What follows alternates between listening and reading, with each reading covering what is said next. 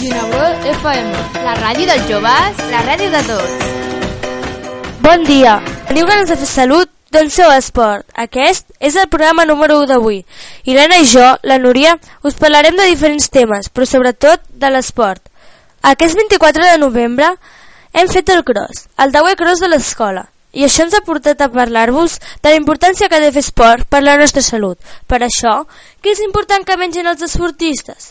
Com s'alimenten els esportistes abans i després i després d'una competició important, com per exemple unes Olimpíades?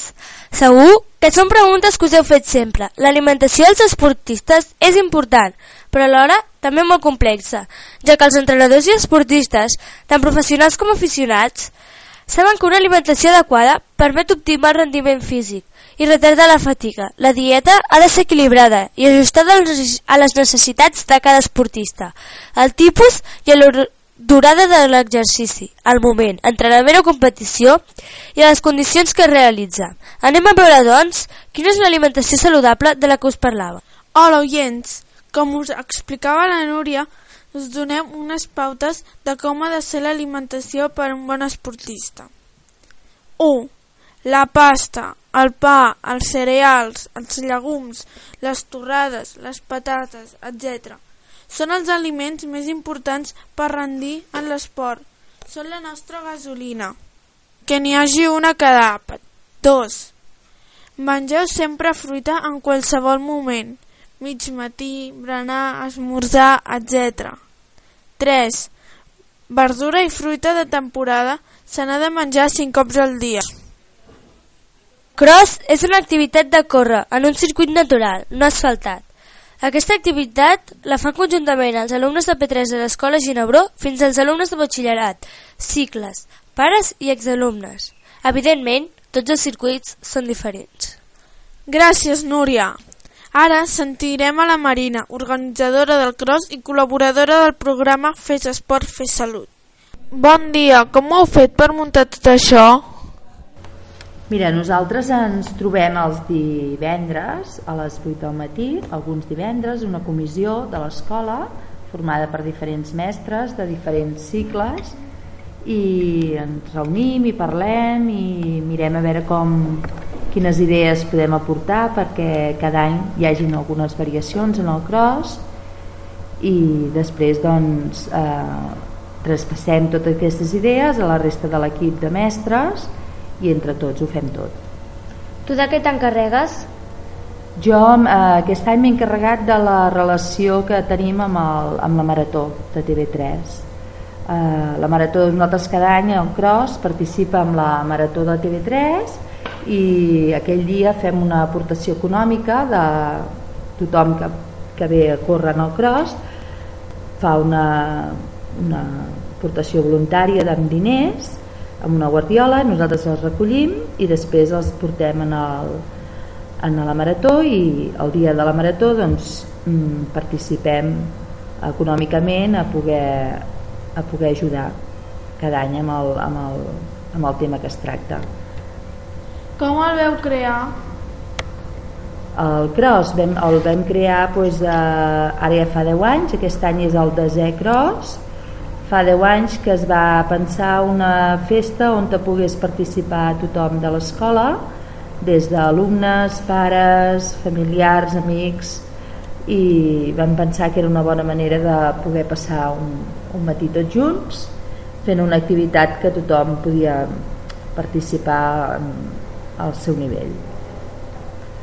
Com, va, com vau fer els circuits? Amb quin criteri? Això se'n van encarregar de pensar-ho doncs, els mestres d'educació física, que són els que sabien cada, cada categoria quin, quin recorregut podien fer. Com més petits, doncs el recorregut és més petit i com més grans el recorregut és més llarg, eh? fan més, més metres. Com vau decidir col·laborar amb la Marató de TV3? Doncs vàrem decidir-ho perquè ens va semblar que era una manera de poder eh, fer una col·laboració des de l'escola amb, una, amb una entitat que, de la Marató que cada any fa, està pensada per poder recollir diners per poder investigar sobre malalties diferents i ens va semblar que era un tema prou interessant com per poder participar. Per això vam, ens vam posar en contacte amb la gent que, que prepara la marató i vam parlar amb ells i ens van donar eh, tota una informació de com podíem participar i a partir de llavors cada any eh, participem econòmicament i fent bé de, del, del tema que tracta cada any la Marató. Què voleu fer d'especial en aquest desè cross? Aquest desè cross eh, pensàvem que era un, un any especial perquè primer perquè és el desè que és un número especial també i després perquè mm, pensàvem que, que es mereixia un, retre un petit homenatge a tots aquests anys que la gent ha participat amb moltes ganes, amb molta alegria i amb molta, amb molta participació per part de tothom i hem pensat que aquest any faríem unes sorpreses especials. Què preteneu amb això? Fent el cross, que pretenem? Pretenem doncs, que sigui una festa on tothom de l'escola s'hi senti implicat, que participi i pretenem doncs, que treballar tota una sèrie de valors que tant es poden aplicar en la, en la vida esportiva com a la vida diària de cada dia. Ara sabrem l'opinió d'un altre organitzador del cross, el Marià. El cross va partir d'una comissió on s'hi van apuntar aquells que van voler i on cadascú s'encarrega d'una cosa diferent. El Marià, per exemple, redacta cartes, s'encarrega de la web de l'escola i de muntar la tarima.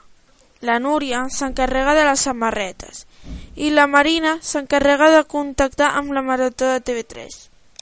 Aquests són només, aquests són només uns quants exemples, però hi ha molta més gent que hi treballa darrere. Moltes gràcies, Anna. Fins aquí els organitzadors. Aviat. Ara us parlarem de la Marató de TV3. La Marató de TV3 és un projecte solidari que impulsa la televisió a Catalunya i la Fundació de la Marató de TV3 i estan enfocades a l'obtenció de recursos econòmics per l'investigació científica de les malalties que ara no tenen cura. Però la Marató de TV3 va més enllà que la recaptació de fons. Busca sensibilitzar sobre les malalties que tracta la població catalana i potenciar la recerca científica per prevenir-les i o curar-les.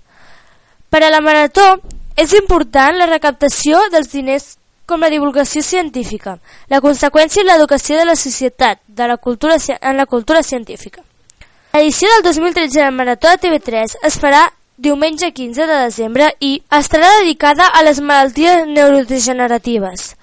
Naixem amb 100.000 milions de, neu de neurones. Amb el pas del temps, algunes es van perdent i moren, però el nostre cos no més és capaç de crear-ne algunes de noves, molt poques. Es tracta d'un procés natural lligat a l'envelliment de les persones. De vegades, però, les neurones enmalalteixen o moren més ràpidament de lo normal. És llavors quan apareixen les malalties neurodegeneratives. La també ha participat, donant diners a la marató de TV3 normal uns 2 euros per persona.